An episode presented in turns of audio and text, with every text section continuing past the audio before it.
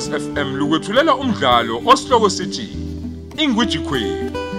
Esubhalelwe usibusiso samajobe sithole.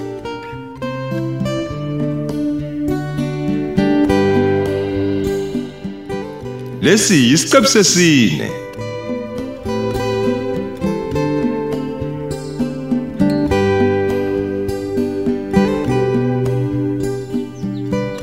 Sokhaya, ngikulungisele impahla zokugqoka noma imvunulo. Hayi isimemo sasithe sifaka imvunulo. Oh, awuyoshisa ke vele. Umuntu uzophola kahle nje ibhinci ibhishu.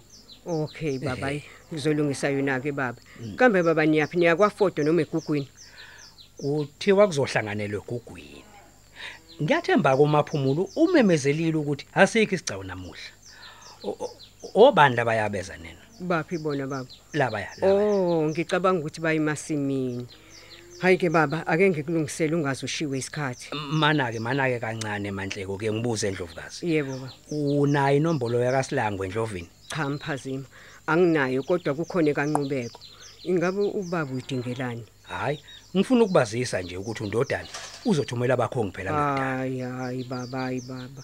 Kodwa baba sengathi usuyagagamela ke manje. mina ngiyakakamela Baba sikalethula udaba nakundodana hayi. Futhi baba ukulobola akusiyo phela baba into encane nje ukuthi ungamsani ukwenzeke nje noma ikanjani. Hawu. Futhi ngenzeka ukuthi kuyabhede emasentini ngidodana. Hayi, angikholwa ukuthi baba ungavuma ukuthi ingane iyosithola ngehlazi hayi emzini. ma ke into okugcina ke le yangakhala ngayo imali hawu sikhona nje thina sinobungani somsiza kanti ke futhi khumbula ukuthi isizwe sayikhipha imali yokuba kwenziwe lo msebenzi ngoba phela kahle kahle umakoti wesizwe lona isekhona ke leyo mali mina ngibhidliza umuzi kamandla esizwe njengoba wena ucabanga vele nje ekugcineni kumele amthathe omunye umfazi Baba. Ngicabanga baba ukuthi lona ke ithuba leli namhlanje. Ithuba ukuthi ngikwazise baba ukuthi ngizizwa kanjani ngayo yonke lento. eh Ngoba nakho ke baba usuzowakhuluma ukuthi ngicabangani.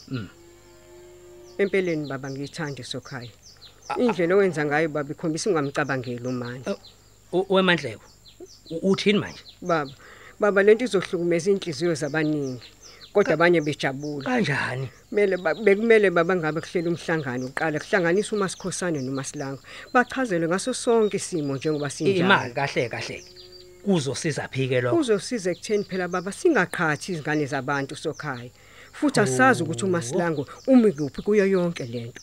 Angisayiphathi ke babe kaMasikhosana. uyabona ke ekaMasilangweke ngiyayizwa yona kodwa kaMasikhosana hayi ubala nje akekho vele umuntu wesifazane othalalisayo uma umkhwenyana wakhe lobola kuzobe ngaqali ngaye hawu Hawu kodwa sheme.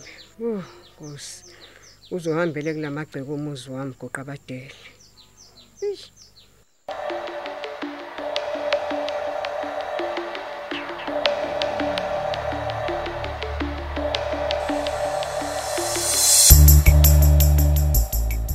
Angikuphazamisi kodwa. Ah cha, awungiphazamisi. Ugrand kodwa? Ngiyaphila unjani wena? Hayi, ngimoja. Sengivele ngamoja kakhulu ke manje. Ngubani? Ngibona wena nje, oh. Futhi ke ugqoke nalobu buhlala engikunikeze bona izolo. Mhm. Ngazile ukuthi kuzokufanela. Kodwa ke awusho. Uyazi ukuthi kuchaza ukuthini lokho? Okuphi futhi manje? Awu ukugqoka. Okusho ukuthi ke wena nje yonke into la kuwe i- ichaza ukuthile. Ushaye phansi ke. Ngazi kahle ukuthi kuchaza ukuthini. Hayi angihleki ngiyalinganisa. Awusho ke ngilalele mina. Phela izolo ungichazele ngombala obuhlalu obuse obusebenzise ngenhlosa ngithi Ya. nami ke from what you said Aha. ngenze engicabanga ukuthi fanele ngabe kade ngakwenza. Okay. Ngiyaxolisa ngokulindisa. Ngiyabonga futhi ngokungilinda.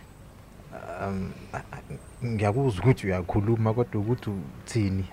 Ayi cha ngabe nginamanga angikuzwa nje enhlobo. U- u- Uthi uyangithanda noma uthi uboneke ungeke kulunga ukuthi sithandane? Xolani, ngaba ngizazi ukuthi ngifunani uma ngingathi angikuthandi. Awe malo. Lalela. Yeah, yeah.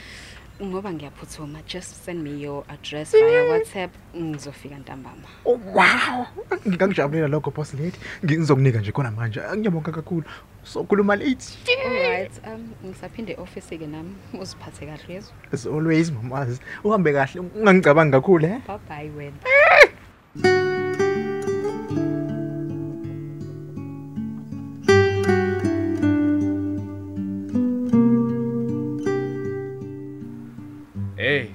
Phumelela Nkonzi, kukuhamba kahle kodwa. Heshe, heshe mfoka Nkosi. Awuzweke. Hayi, ake ngithi kuhamba kahle kakhulu. Hawu wena kuyakubuzwa. Kwazi KZN yonke ukuthi izinto zikhambela kahle. Hayi sekuyihaba lelo mfowethu hayibo. Eh. Ayisazani wemfowethu, uyabona nje Bheke, ibhizinisi sibambe phansi. Size sihlangana nje lapha emall lokho yagcina nani ni. Hey, uqonda ukuthi ibhizi kubambe phansi ngabe yami, eh? Hawu, phumelela mfowethu. Mhm. Ngoba ngithi akubi kangako njengakuwena yini manje wasukhuluma kanje ukhuluma kanjani mawukhuluma manje? Hey, hey.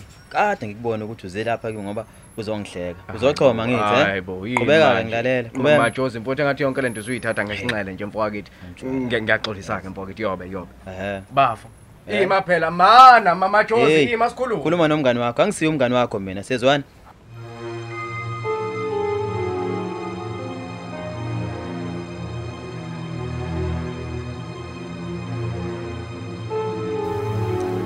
Mina baba noxolo ngizwa sengazuthi inkulu lento ezanayo baba intezano baba u- u- ukhuluma ngani manje uxolo ngisho njengoba efuna ukunibona nje nobhuti omdala. Mhm.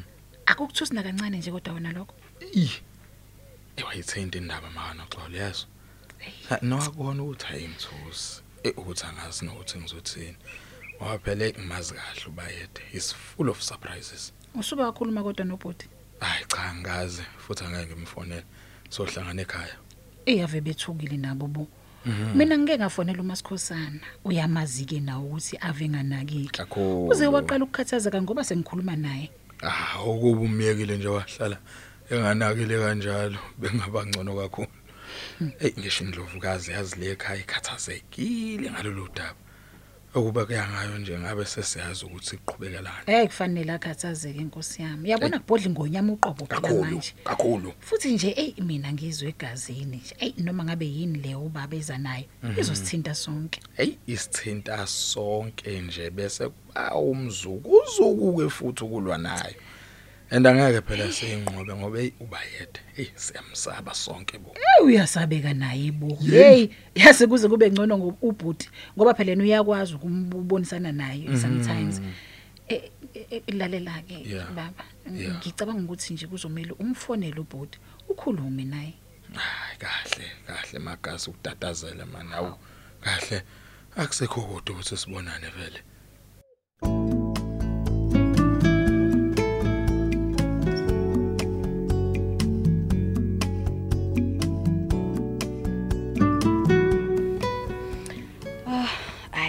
Hayi bengingalindeleka ukuthi lungamnandi kanje lolu suku lwanamuhla. Ingoba nami nje ngiyakwazi ukwenza umuntu engimthandayo ajabule ngaso sonke isikhathi. Manje ke ukudlela embedeni kubizwa ngani ke uh, dinner in bed angikaze ke ngizwe kodwa into enjalo. Hayi, hayi nama ngazi ke lapho. Kungani vele wena wabuza mina? Phela ufike nawe lo mbono wokudlela embedeni. Cha, phela mina bengenzela ukuthi yabo usukumela usunamandla kancane. Ngiyakucabangela la. Ema ke beqedwe yini amandla njalo? Ngicela ungatholakala ukuphawula lapho. Ngivele ngenze kanje. Mm, mwah. Bese ngibonga nje ukuthi wena ufikile. Mwah. Ngiyabonga ukuthi ugcina ukwazi ukungivulela inhliziyo yakho. Ngangena phakathi kuyona bese ngifila amakhaza mina. Avuyiciko ke ngasekukhulumeni. Awu, Kodwa ke nami ngiyabonga ukungibekezelela kwakho. Cha, ayi bandla. Awupheli moya. ya into eyenza ukuthi ngangaphela umoya ukuthi ngangibona ukuthi uyangithanda kodwa usaba ukuvuma iqiniso elinjalo.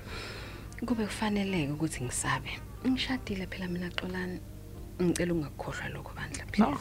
khulileka boss lady. Ah, mawusho ke. Ku- Kungani ufike ngeUber vele? Imoto ngishiye ekhaya. Bengingeke ngikwazi nje ukuza ngemoto lana. Angifuni ukuthatha i-risk. Cabanga ke ngoba phela kumandla ngithe iUber ingisa kumngani esizohamba ngemoto yakhe. Ayazi wena uhlakaniphile ne? Mm, awungiyeke ngembuzo. Angitshele u baby mama wakho yana? Hayi. Hayi hayi yini ke manje ingena kanjani indaba yakhe la?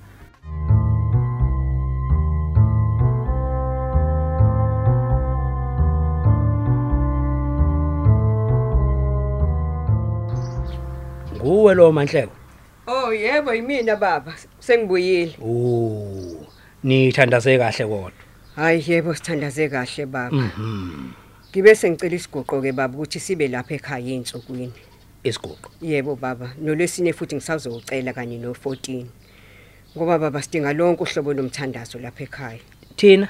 Nawe futhi baba nje ungawucela u23 ukuthi uze lapha ekhaya. Habe uyazi nje baba ukuba bekuya ngami nenkonzo yesabatha nje ibingabanjelwa khona lapha ekhaya ukuba nje iyenzeke into enjalo. Mameshane mameshane wemanhleko yini le esixake kangaka lapha ekhaya? Mina engayazi hm ake ngiyokhisa ngo baba ngoba umzukulu baleka. wesikole. Usiyabaleka. Hey hayi wemadoda uyazi empilweni yami selokhu ngashada nje nomanhleko kuyaqala ngqa ukuthi siketshane ngimbono uhlale ngiseka njalo nami futhi ngimseka. Akahambisani inhlobo nokuthi ngithi umandla kumele athathwe kwesibili ekubeni kodwa esibone isimuthi sinjani? Phela bakithi angoba mina ngiqonda ukuhlukumeza noma ukuncisha izingane injabulo yazo. Kodwa futhi mangihlala ngithula izinto ezokonakala.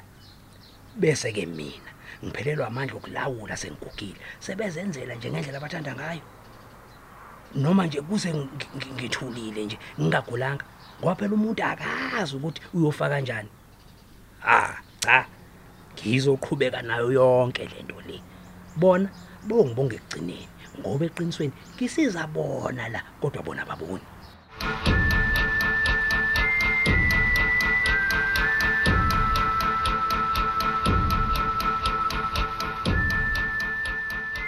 Aw, sanibonani lapha ekhaya. Ey umuntu ufile indlala kudliwane.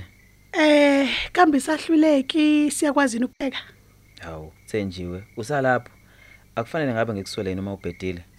Babazani phela. Hawu, Wephumelele. Ngaphandle nje ukuthi kuwena ngiyisahluleki, kambe ngini futhi?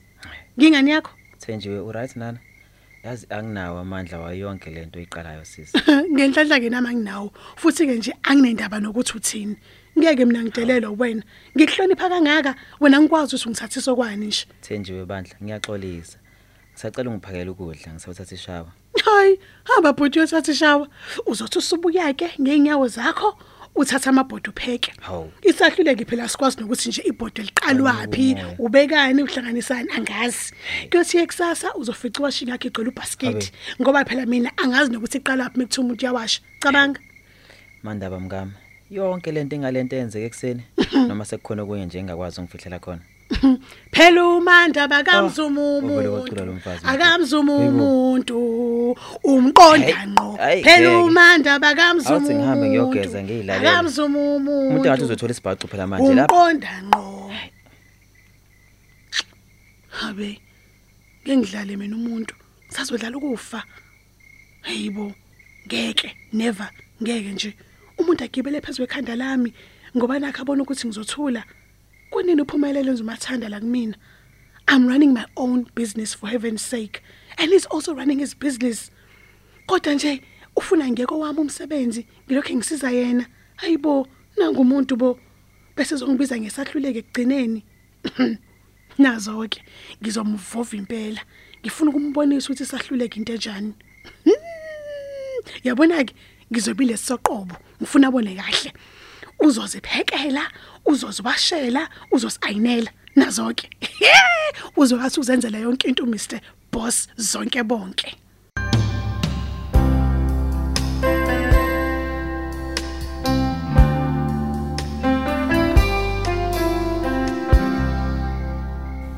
Ngifuna ukwazi ukuthi usakhona yini empilweni yakho noma senihlanganiswe ingane. Cha cha. Unamalimi manje? Okay, sesihlanganiswe ingane. Kuyenzeka nje kodwa ukuthi yabona afike mhlawumbe endlini noma emsebenzini uma ezolanda imali yengane nakhona kuphela. Ngicela ukuthi ube neqiniso kumina bandla ngoba nami ngineqiniso kuwena. Kunjengoba ngisho nje isithando sami. Uzomazisa ukuthi usuqhubeke nempilo. Phela ngeke ngifike ngikufihle wena kumyeni wami bese nawe ungifihle kumuntu othe wena nisathandana ngaphandle nje ukuthi akumele alazi igama lami kodwa kumele azi ukuthi kukhona umuntu okhona. Hayi khululeka babes. Eish, Manje nawe wangishintshela nje. Eh, awufuni mhlawumbe ngikuthole into yokuphuza No, wehlisa no, umoya. no, No. Kumele ngigeze ngihambe vele sekuhlwile. Ake ngisukume la embedeni ngiyogeza ngizosheshisa. Ah, okay. Eh, ithi ngikuthelela amanzi ke endishini ugeza. ngizobe ngishawa umoya ke mina ngaphandle ngesikhathi usageza wena